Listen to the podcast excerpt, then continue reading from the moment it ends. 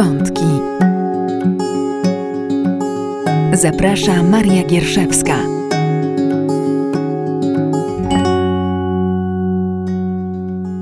Dobry, tutaj mamy wątki i Maria Gierszewska, a moim gościem jest Alicja Bogaczek, pedagogzka z Centrum Wspierania Relacji. Alicjo, powiedz może trochę więcej o sobie, czym się zajmujesz ty i czym się zajmuje to miejsce, w którym pracujesz. E, ja jestem i nauczycielem, i e, terapeutą. W centrum e, pracujemy z dziećmi i z rodzinami. Przychodzą do nas różne dzieciaszki z różnymi wyzwaniami, no ale najczęściej mamy głównie dzieci ze spektrum autyzmu autyzmu. Przychodzą, proszą o wsparcie i my wtedy staramy się to wsparcie dać. Mamy wielu różnych specjalistów, także działamy, że tak powiem, różnorodnie na wielu obszarach i mamy dużo możliwości, żeby całą rodzinę, cały system rodzinny wesprzeć. Mhm, tak, i spotkałyśmy się, żeby o tym e, autyzmie porozmawiać, bo to. Yy... Mam wrażenie, że wszyscy o tym słyszeli, a mało kto wie o co chodzi tak naprawdę, nie? Że to ciągle jest taki temat Mm, nie chcę powiedzieć, że tabu, bo może już nie tabu, ale obrośnięty wieloma mitami. Więc może gdybyś mogła powiedzieć w takich naprawdę prostych, nawet szkolnych słowach, co to jest autyzm? Myślę, że w prostych słowach będzie ciężko. Natomiast... To może być dużo tych słów, nie? Ale żeby to było Ale zrozumiałe. Ja e, e, myślę sobie, że to zależy, jakby na autyzm pa można patrzeć pod wieloma względami. Istnieje wiele różnych teorii. Ta, która gdzieś do mnie najbardziej przemawia, to teoria, która mówi o tym, że autyzm to inny model rozwoju, czyli że są to osoby, które odbierają inaczej mhm. e, świat, co nie znaczy gorzej, ale e, mają inne wyzwania, inne trudności, E, pewne rzeczy przychodzi im zrozumieć trudniej, zwłaszcza w kontekście sytuacji społecznych. Też mają bardziej nadwrażliwy układ nerwowy.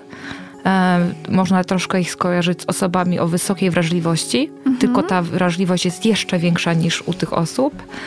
I stąd e, często te mity właśnie obrastają, tak jak powiedziałaś, ponieważ E, u osób ze spektrum e, możemy dostrzec różne takie zachowania, które dla nas są nietypowe, niestandardowe. A, e, i budzą gdzieś strach, bo to, czego nie znamy, to najczęściej mhm. tego się po prostu obawiamy. Mhm. A gdybyś mogła w takim razie powiedzieć, czym się taki autyzm objawia? W sensie, najpierw ogólnie w, taki, w tych sytuacjach społecznych, o których powiedziałaś, jak to może wyglądać, ale zakładam, że może wyglądać różnie to, to jest taka prawda i takie jest powiedzenie, że jeśli poznałeś jedną osobę ze spektrum autyzmu, to tak naprawdę poznałeś jedną osobę ze spektrum autyzmu mm i to mhm. tak naprawdę nie daje wglądu w to, jak ten spektrum wygląda. Są jakieś założenia według DSM-5, e, e, jakim, o jakich obszarach możemy mówić, że e, mamy do czynienia z spektrum.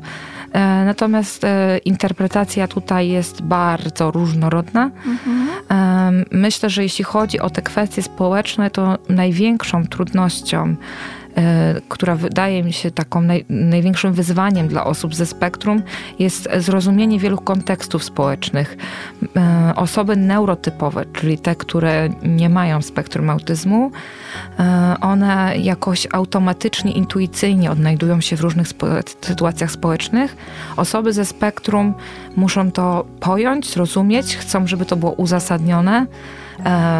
Nie ma dla nich odpowiedzi tak, bo tak, nie, bo nie. Mhm.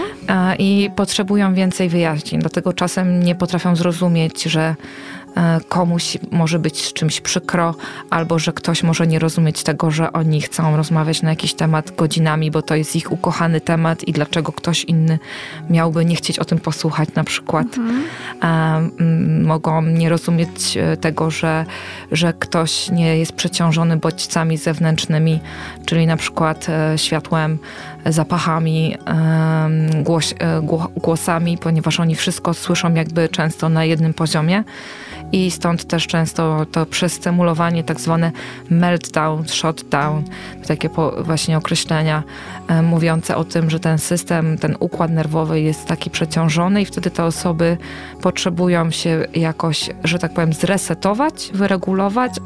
E, najczęściej odreagowują to tak zwanymi steamami, czyli jakimiś takimi e, ruchami, które pomagają im się wyciszyć.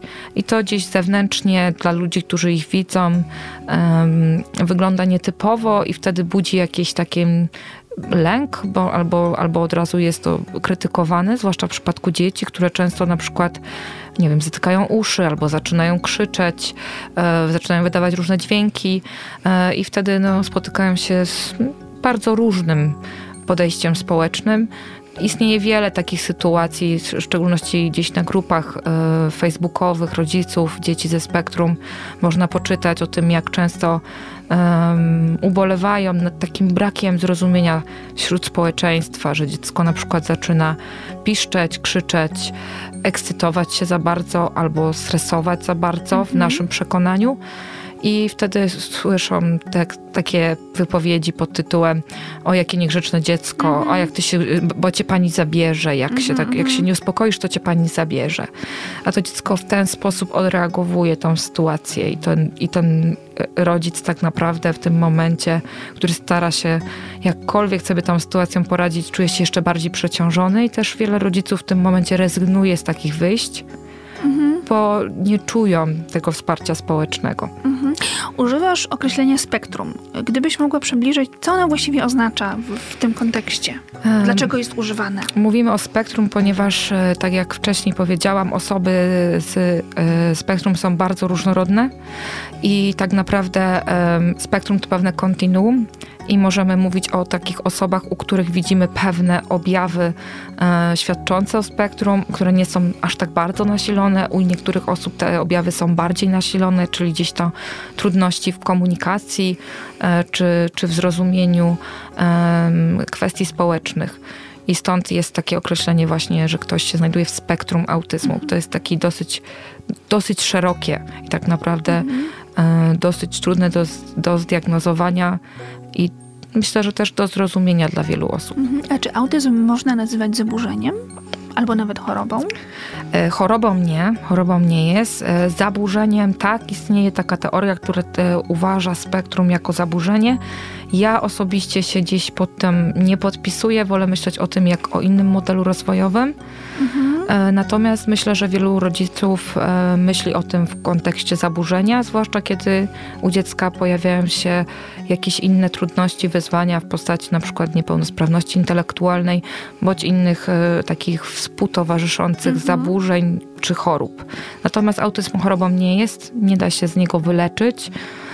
I na pewno bardzo bym chciała, żeby wszelkie te środowiska terapeutyczne dążyły nie do naprawiania dzieci ze spektrum, ale do wspierania i takiego pomagania w rozwoju tego prawdziwego potencjału, które te dzieciaki mają, bo mają ogromny i mają dużo możliwości Natomiast często jest większa koncentracja na deficytach i na zmniejszaniu tych deficytów. -hmm. niż na wspieraniu tego, co dziecko -hmm. potrafi. To, to jeszcze może podrążymy za chwilę, ale chciałam Cię jeszcze zapytać, bo jest też taka kategoria, takie pojęcie jak zespół Aspergera. I chciałam Cię zapytać o wzajemną relację tych dwóch.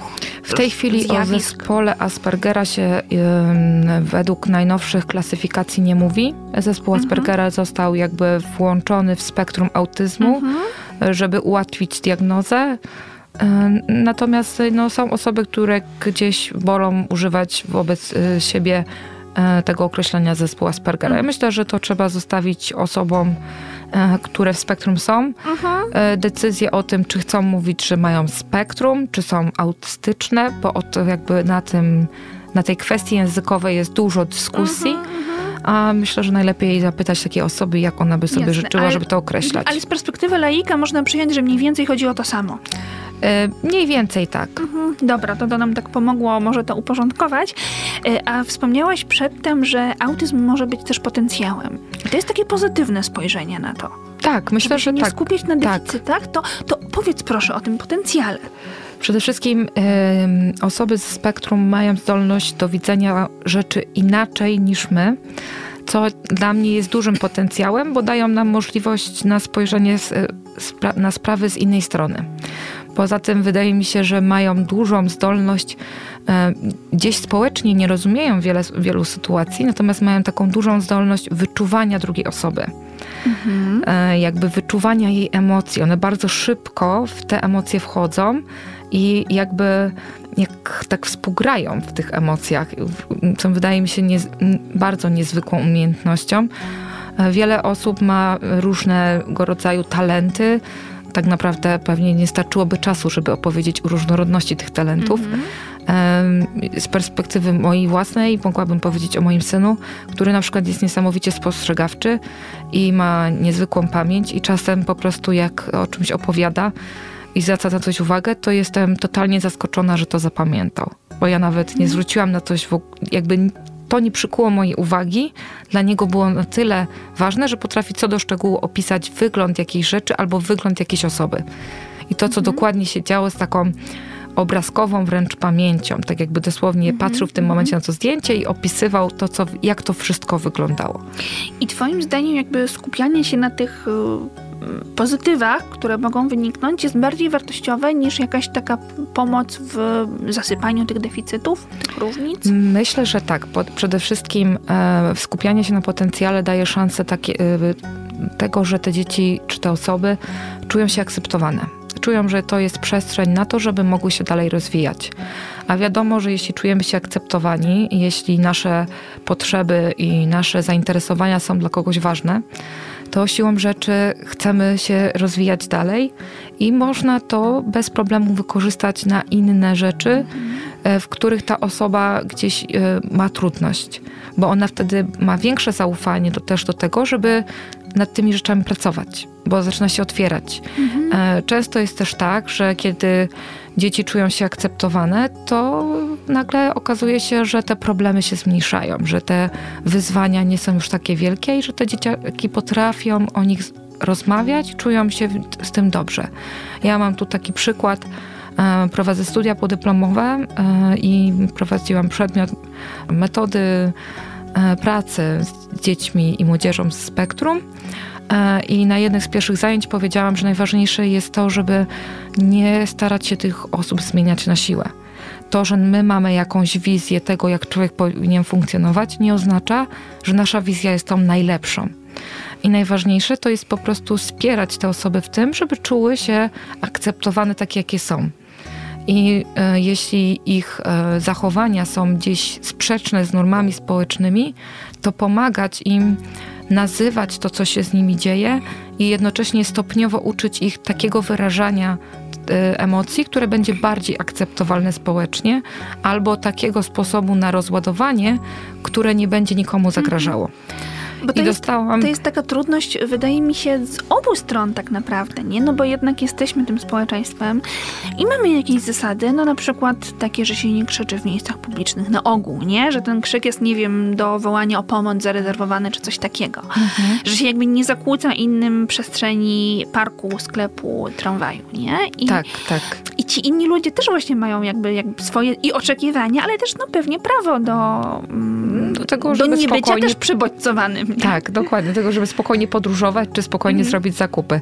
A jeszcze tylko chciałam mhm, skończyć... Przepraszam. Nie, nie, spokojnie. Chciałam skończyć ten wątek, ponieważ jedna z pań po tym spotkaniu e, napisała mi później właśnie maila, że to tak ją dotknęło, że postanowiła zmienić sposób pracy z jednym dzieckiem, namówiła całą radę pedagogiczną do zmiany i powiedziała, że właściwie wszystkie trudności, z jakimi się borykali, zniknęły, jak ręką odjął. Od kiedy to dziecko poczuło, że jest akceptowane i nikt nie próbuje na siłę go zmieniać, nie wrzuca go w jakiś margines pod tytułem o ty niegrzeczny, mhm. E, o, ty, o ty, który nie chcesz się do nas dopasować i nie chcesz grać na naszych zasadach, i nagle się okazało, że potrafi się ze wszystkimi dogadać, że przestał być agresywny, przestał stwarzać tu jakiekolwiek problemy i wszyscy byli zaskoczeni, bo szukali sposobu na to, jak, jak doprowadzić do tego, żeby przestał yy, bić, krzyczeć, a okazało się, że wystarczyło po prostu dać mu szansę i go zaakceptować i zacząć mhm. go słuchać.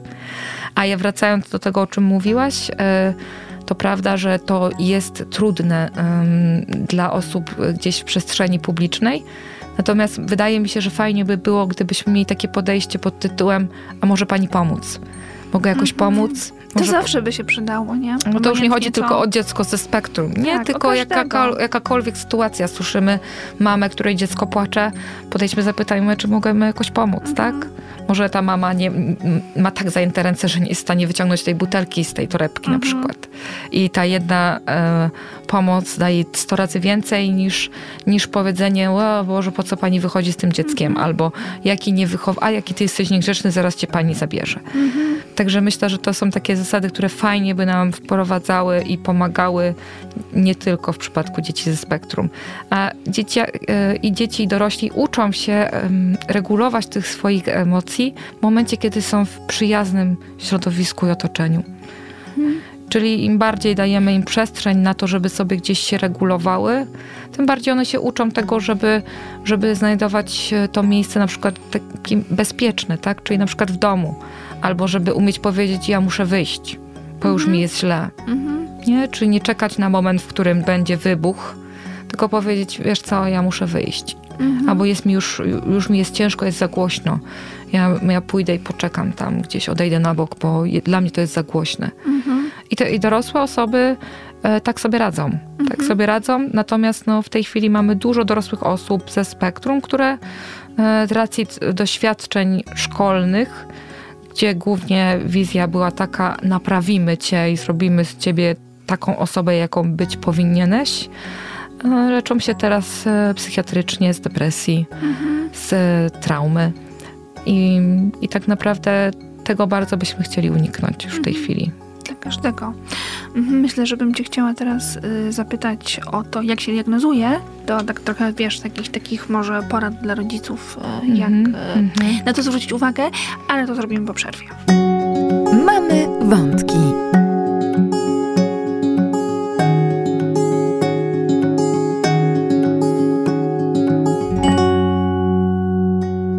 Po przerwie. Tutaj mamy wątki i Maria Gierszewska, a moim gościem jest Alicja Bogaczek z Centrum Wspierania Relacji i rozmawiamy o autyzmie. I tak jak zapowiedziałam przed przerwą, chciałabym Cię spytać, co może zwrócić uwagę rodziców, czy opiekunów, czy może nauczycieli? Jakie są takie pierwsze powody, kryteria, e, które w ogóle kierują czyjeś myśli w stronę, a może by to sprawdzić? E, najczęściej, jeśli dziecko nie nawiązuje jakichś kontaktów społecznych, czyli nie, e, nie potrafi się odnaleźć w kontaktach z rówieśnikami, i kiedy też ma trudność w tym dogadaniu się z tymi rówieśnikami, kiedy e, te tematy, które się pojawiają, oscylują wokół jakiejś pasji, tylko i wyłącznie wokół tej pasji i nic innego jakby poza tą pasją nie istnieje, e, kiedy dostrzegamy, że te odpowiedzi, te rozmowy są bardzo takie wokół jednego tematu, albo też nie do końca odpowiadają na dane, na, na dane pytanie. Takim przykładem, nie wiem, tak na szybko, jak sobie tak myślę, to często jest tak, e, że e, pytamy o coś dziecko, jak się ono czuje, a ono na przykład zaczyna już opowiadać o tej swojej pasji. Mm -hmm. Że jakby ta komunikacja nie do końca służy takiej komunikacji i, te, i tej takiej rozmowie z drugą osobą, tylko takie, jest bardziej taka jednostronna. I ja teraz ci powiem o tym wszystkim, co ja mhm, mhm. uwielbiam. E, mówiło się kiedyś o tym, że jest zaburzony kontakt wzrokowy diagnostycznie się na to nie patrzy, natomiast faktycznie jest tak, że wiele osób ze spektrum e, ma trudność w kontakcie wzrokowym, odwraca wzrok, e, ma problem z utrzymaniem tego kontaktu wzrokowego. I to też często e, zwraca uwagę rodziców. Również pojawiają się różnego typu nadwrażliwości sensoryczne, czyli na przykład dziecko nie lubi pewnego rodzaju tkanin, albo domaga się bardzo mocnego dotyku, albo mhm. nie lubi e, w ogóle dotyku, nie lubi się przytulać. Albo na przykład e, e, denerwują go pewne dźwięki i tutaj reaguje w taki sposób nie do końca adekwatny do tego, jaki jesteśmy przyzwyczajeni, że dzieci reagują mm -hmm. na mhm, coś. Ma więcej jakichś różnego rodzaju lęków. Myślę, że dzieci, przede wszystkim dziecieszki ze spektrum, potrzebują bardzo takiego poczucia bezpieczeństwa, a poczucie bezpieczeństwa daje im e, taka, mm, taki rytm dnia, taka przewidywalność tego, co się będzie działo. Tego, mhm. że teraz będzie tak i teraz będzie tak. I zdarza się, że często gorzej znoszą zmiany bo te zmiany nos, niosą ze sobą niepewność. Ja nie wiem, co będzie dalej. Mhm. E, dlatego potrzebują często, żeby ich w tych zmianach wspierać i te zmiany wyjaśniać. Najczęściej jednak e, spektrum widzimy właśnie w tych nadwrażliwościach, E, I, I faktycznie w tym kontakcie społecznym, że on nie jest do końca mhm. taki, jaki myślelibyśmy, że być powinien. Natomiast trzeba też pamiętać o tym, że tym zasadom całkowicie wymykają się praktycznie całkowicie, wymykają się dziewczyny. Mhm. O tym za chwilę, o to ci chciałam też spytać osobno jakby o te dziewczyny, ale tak słuchałam, jak wymieniałaś te objawy, jeśli mogę tak powiedzieć, mhm. i pomyślałam sobie, że to to nie są żadne szokujące rzeczy. To jest coś, co się każdemu może przytrafić w jakimś mniejszym czy większym zakresie i tak. może to jest kwestia właśnie tego zakresu i to y, tak, specjalista tak. jest w stanie ocenić, czy jest, mieścimy się w jakiejś normie, jeśli tak mogę mm -hmm, powiedzieć, mm -hmm. z, z, naszą trudnością społeczną na przykład, tak, czy, czy już tak. nie. Tak, czy to jest kwestia naszej osobowości, mm -hmm. że mhm. jesteśmy bardziej tacy, że wolimy jednak ten kontakt gdzieś mhm. trzymać na odległość, a może właśnie bardziej tacy, że gdzieś do tego kontaktu dążymy. E, I faktycznie to jest tak, że te, to jest tak, jak powiedziałaś, to nasilenie tych wszystkich objawów, to takie kombo, że tak mhm. powiem, tego wszystkiego, co się dzieje. E, I, I to powinno gdzieś tam naszą uwagę zwracać. Natomiast ja zawsze mówię, że to to nie koniec świata. Ja rozumiem, jak rodzice dostają diagnozę, że mhm. pojawia się taka myśl o matko. Tak, mhm. mamy ten, tą wizję tego dziecka, które kręci się w kółko i właściwie nie ma z nikim kontaktu, ono nie pójdzie do pracy, ono nie ułoży sobie życia, e, ono niczego nie osiągnie. Mhm. E, I wtedy często dostaję takie telefony od koleżanek, które są nauczycielkami, mówią, Boże, moja koleżanka ma dziecko po diagnozie, ona nie wie, co ma robić. Ja mówię, niech do mnie zadzwoni. Mhm. I rozmawiamy. I ja mówię, to nie jest koniec świata. Ten rozwój będzie inny niż sobie wyobrażaliśmy, ale on nie będzie gorszy. Może nie, to nie będzie się działo wszystko tak, jak sobie zaplanowaliśmy, no ale okej, okay, przecież dziecko i tak ma prawo się rozwijać po mhm. swojemu i iść w swoje ścieżki.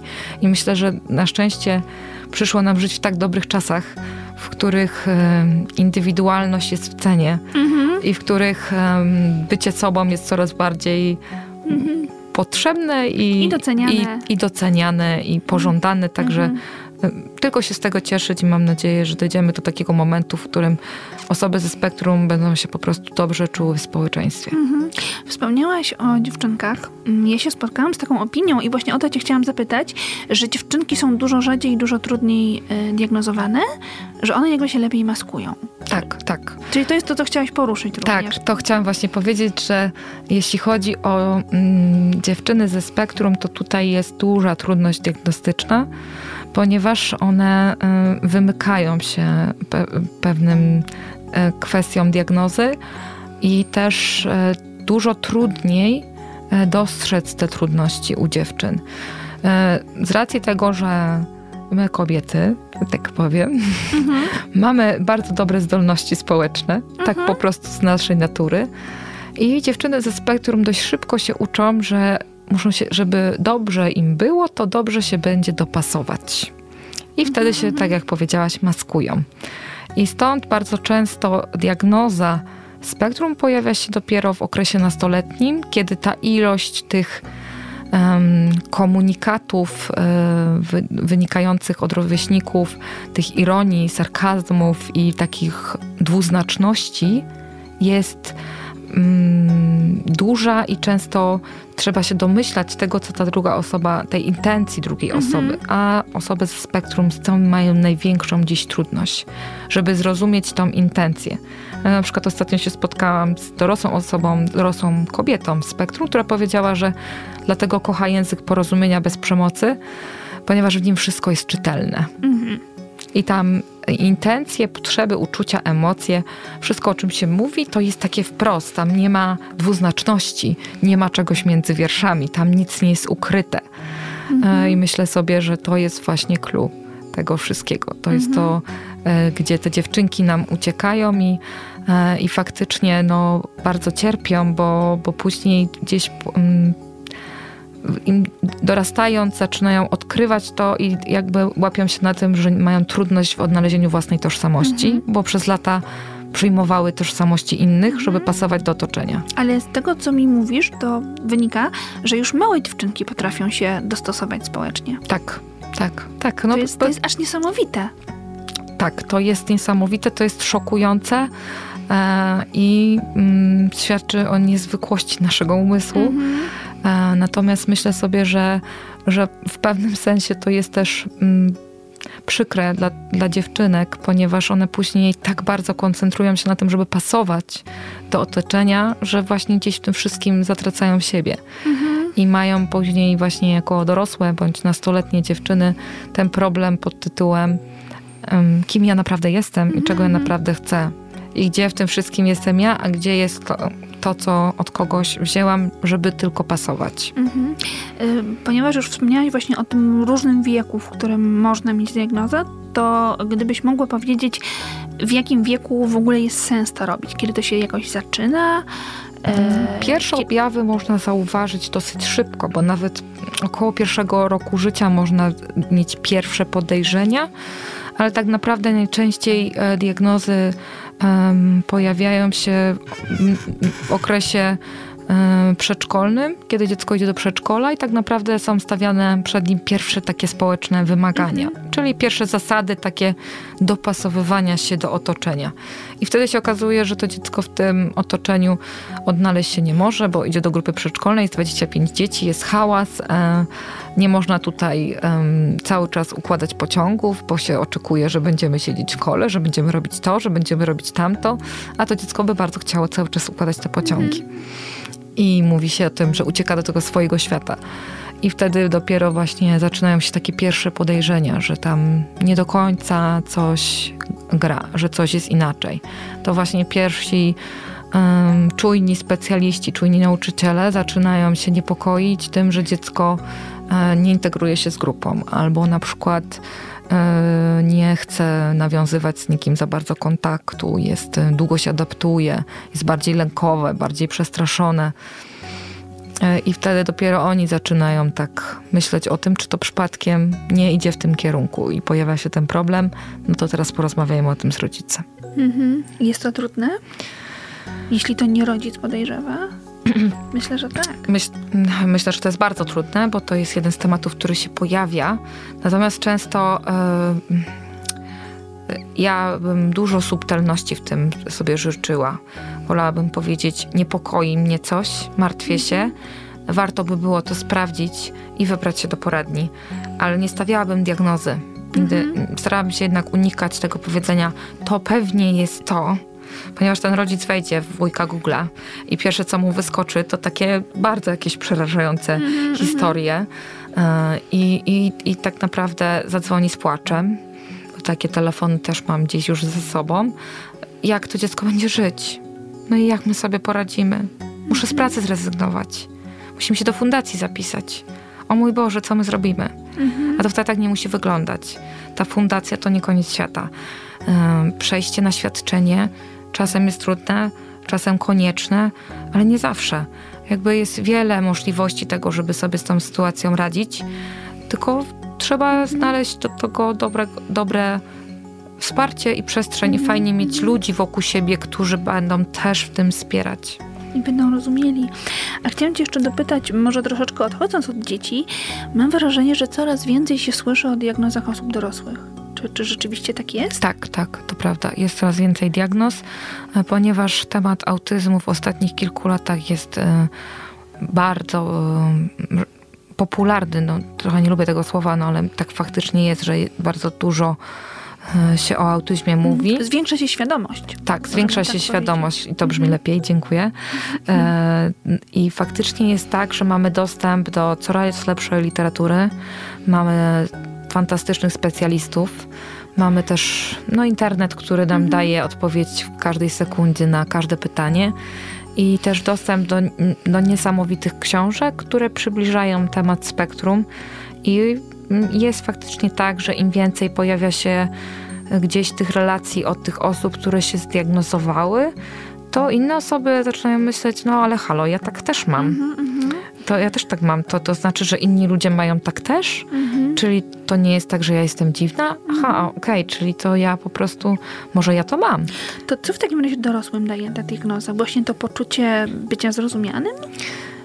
Czy ona coś zmienia w ich życiu? Tak, Pewnie zależy od, od tego, w jaki przekaz wejdą. Jeśli mhm. wejdą w ten przekaz, w którym to jest inny model rozwojowy i, i to nie oznacza nic gorszego, to będzie ok. A jeśli wejdą w przekaz pod tytułem e, z, e, jesteś zaburzony, niepełnosprawny i teraz e, twoje życie się skończyło, e, to będzie gorzej. Mhm. Ale często ten przekaz jest bardziej jednak pozytywny e, i wtedy oni zaczynają czuć, że mus nie muszą się maskować, nie muszą się zmieniać, że to jacy są jest okej i że nie muszą na siłę dopasowywać się do otoczenia, tylko po prostu znaleźć taki sposób na to, żeby te, jeśli otoczenie tego nie rozumie, to wyjaśnić. Często to, co wyjaśnimy, ja słuchajcie, mam taką potrzebę, żebyśmy mieli tutaj mniejsze światło, jak pracujemy nad tym i nad tym, albo będę, nie pracuję tutaj z wami w grupie, bo jak pracuję w grupie, to jest mi ciężko, więc będę pracował osobno, ale jeśli będę, mm, będę przychodził z wami konsultować moje pomysły, bo to nie chodzi o to, że was nie lubię, tylko chodzi o to, że jak jest tak dużo osób, które mówią naraz, to ja nie jestem w stanie się skoncentrować i to mnie rozprasza. I te, y, i ta odwaga, żeby potem o tym mówić e, i rozmawiać z ludźmi i ta świadomość tego, że to jest ok, bo ja po prostu tak, taki jestem, taka jestem, myślę, że daje dużo. Przede wszystkim właśnie tego poczucia jest ok. Mhm. Są inni i, i ja nie jestem wcale jakimś dziwolągiem, nie odstaję. Nie jest ze mną nic złego. Kontynuować będziemy po przerwie. Mamy wątki.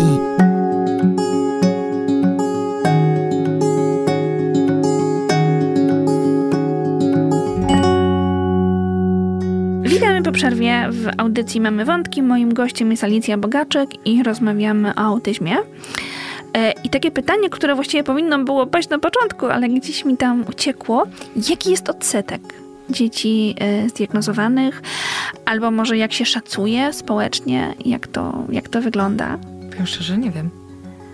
A z twojego doświadczenia, gdybyś mogła jakoś to spróbować znaczy, Ja mam wrażenie, że wskazać. jest... Y jak coraz więcej jest y, diagnoz y, i to też mówi się o tym, że to takie teraz jest popularne diagnozowanie spektrum, ale to wynika z tego, że ta świadomość nam wzrosła i tak naprawdę coraz więcej y, przychodzi dzieciaszków, u których się diagnozuje spektrum, bo, y, bo o spektrum się mówi na studiach u nauczycieli, mhm. bo coraz więcej nauczycieli chodzi na różnego rodzaju warsztaty szkolenia, które dotyczą diagnozy i jakiejś takiej obserwacji e, różnych zachowań i tego, żeby jak, jak, jak sobie radzić w momencie, kiedy takie dziecko w grupie się pojawia.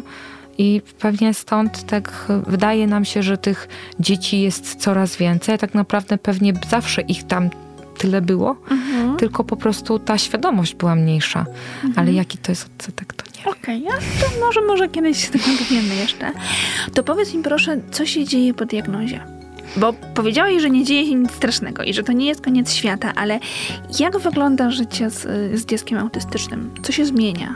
Czy trzeba coś specjalnego robić? Znaczy, bo jakby teraz y, ja siedzę tutaj po diagnozie już kilka lat, więc powiedziałabym, nie dzieje się nic. Mhm. Patrzymy tylko pod kątem tego, żeby ta edukacja i miejsce, w którym to nasze dziecko będzie, było wyrozumiałe. Mhm. I zwracamy na to większą uwagę niż zwracalibyśmy, e, mając dziecko neurotypowe. Natomiast e, faktycznie jest tak, że dla rodziców, którzy otrzymują diagnozę spektrum, e, pojawia się proces żałoby. Żałoby, dlatego że w pewnym sensie ich wyobrażenie o ich dziecku musi zostać pochowane.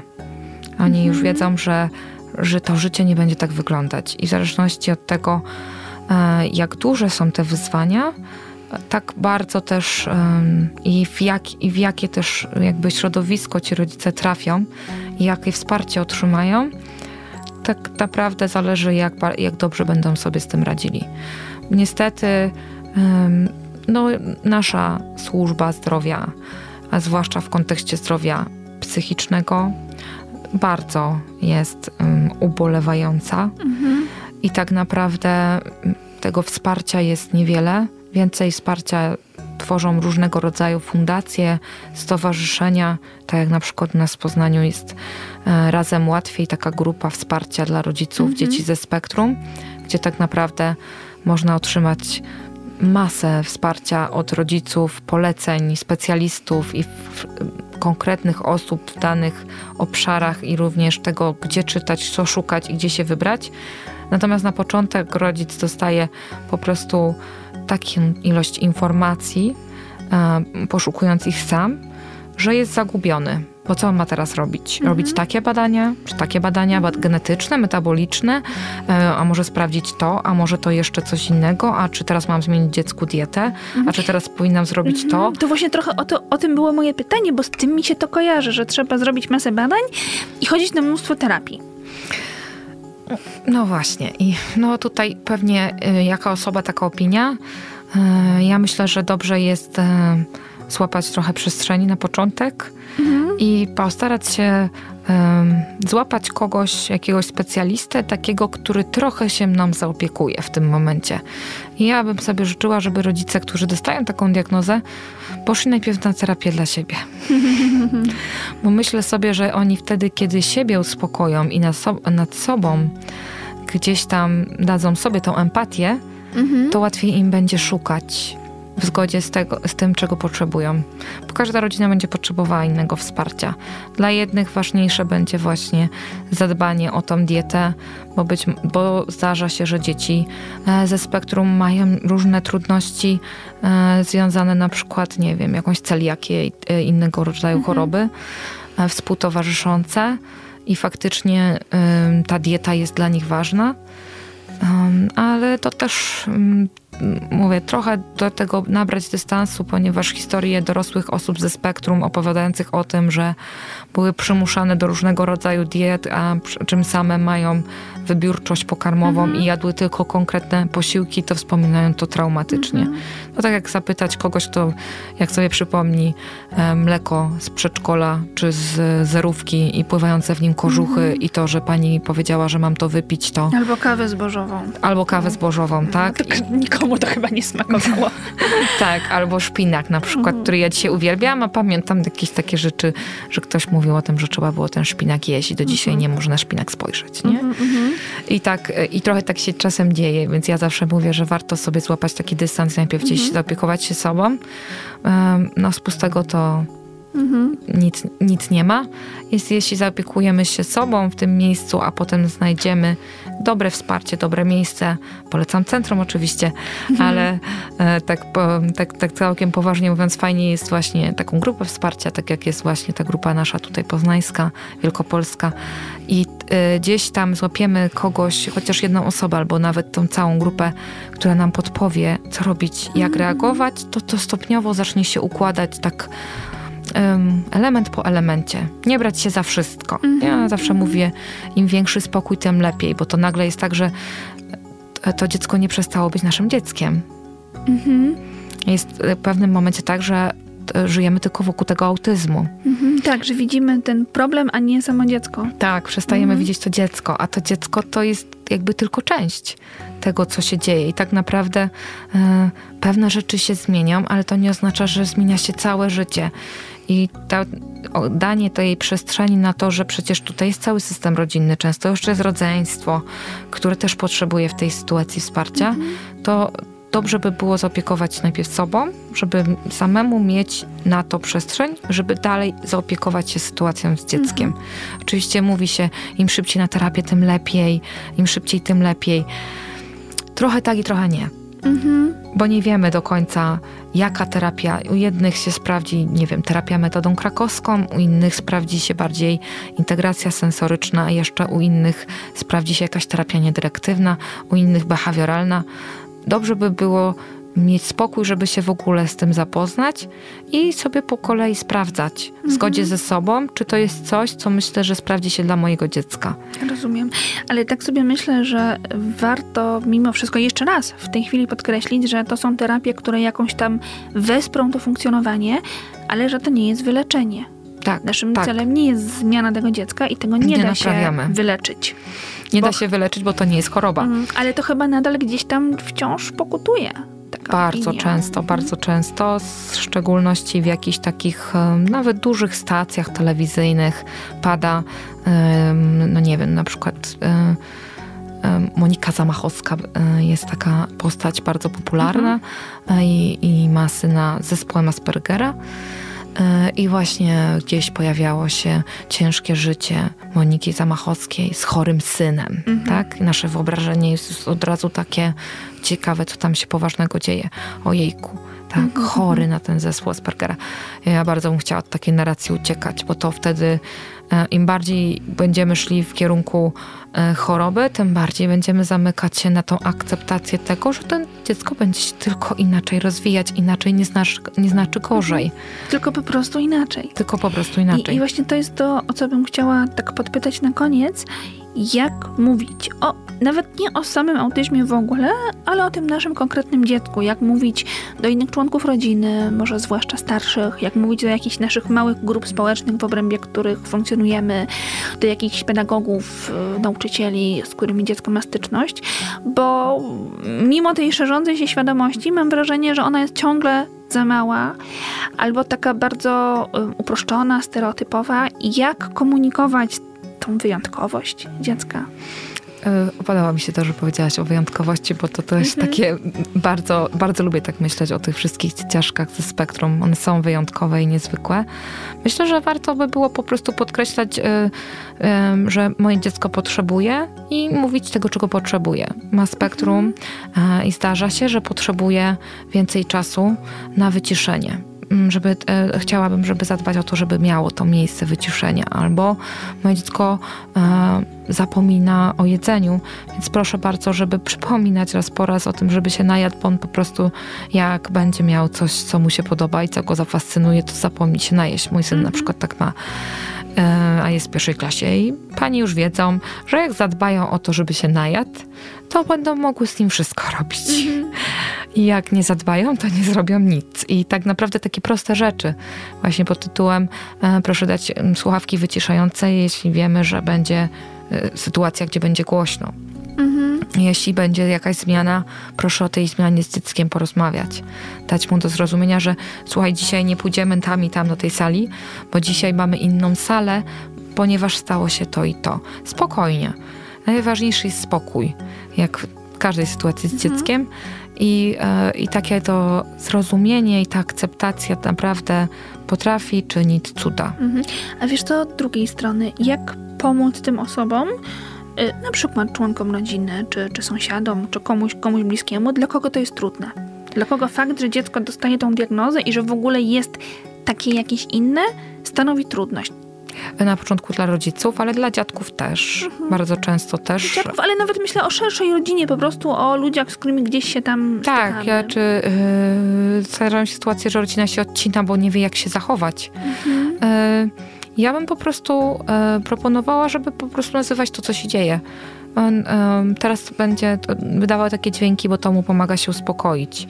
Nie, nie trzeba nic z tym robić. Dajmy mu czas, żeby się uspokoił. Mhm. To ja mam takie doświadczenia, że nawet dzieci reagują na to w ten sposób. Y, tutaj y, y, moja córka młodsza, w tej chwili już pięcioletnia, ale mając trzy lata potrafiła komuś powiedzieć, a mój brat właśnie się zdenerwował, więc on teraz potrzebuje sobie troszkę poskakać. Nie przeszkadzajmy mu.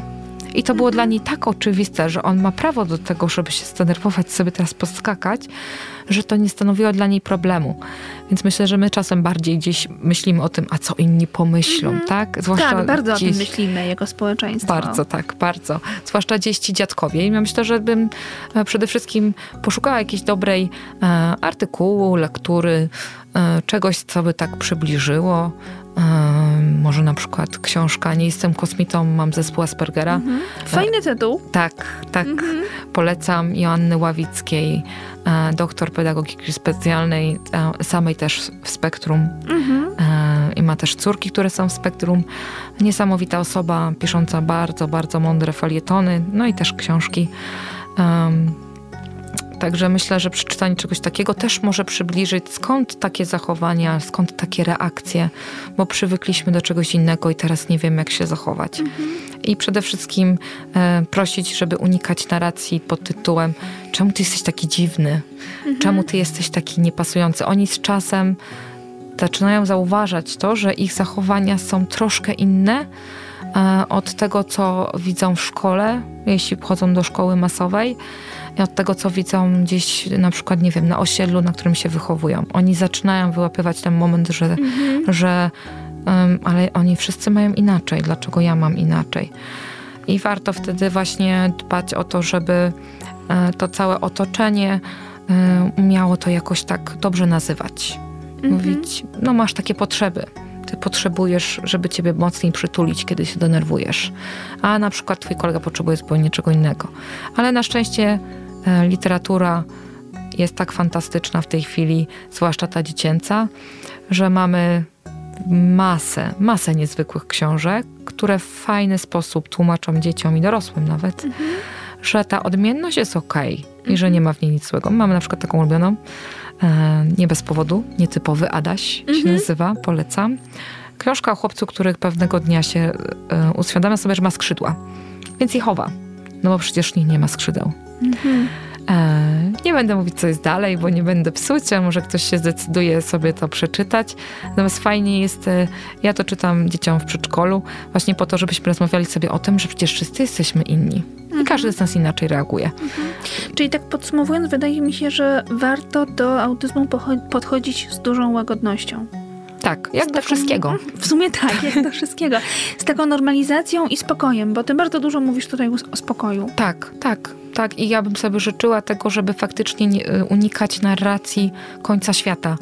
Narracji takiej pod tytułem teraz już nic się nie da zrobić. Po prostu jest no koniec. Już nic nie zrobimy. Tak, jesteśmy kiła mogiła i w ogóle i te wszystkie rzeczy i te załamania. Bo im bardziej jakby idziemy w taką narrację, to takie trochę błędne koło, tak? Samo spełniająca się przepowiednia.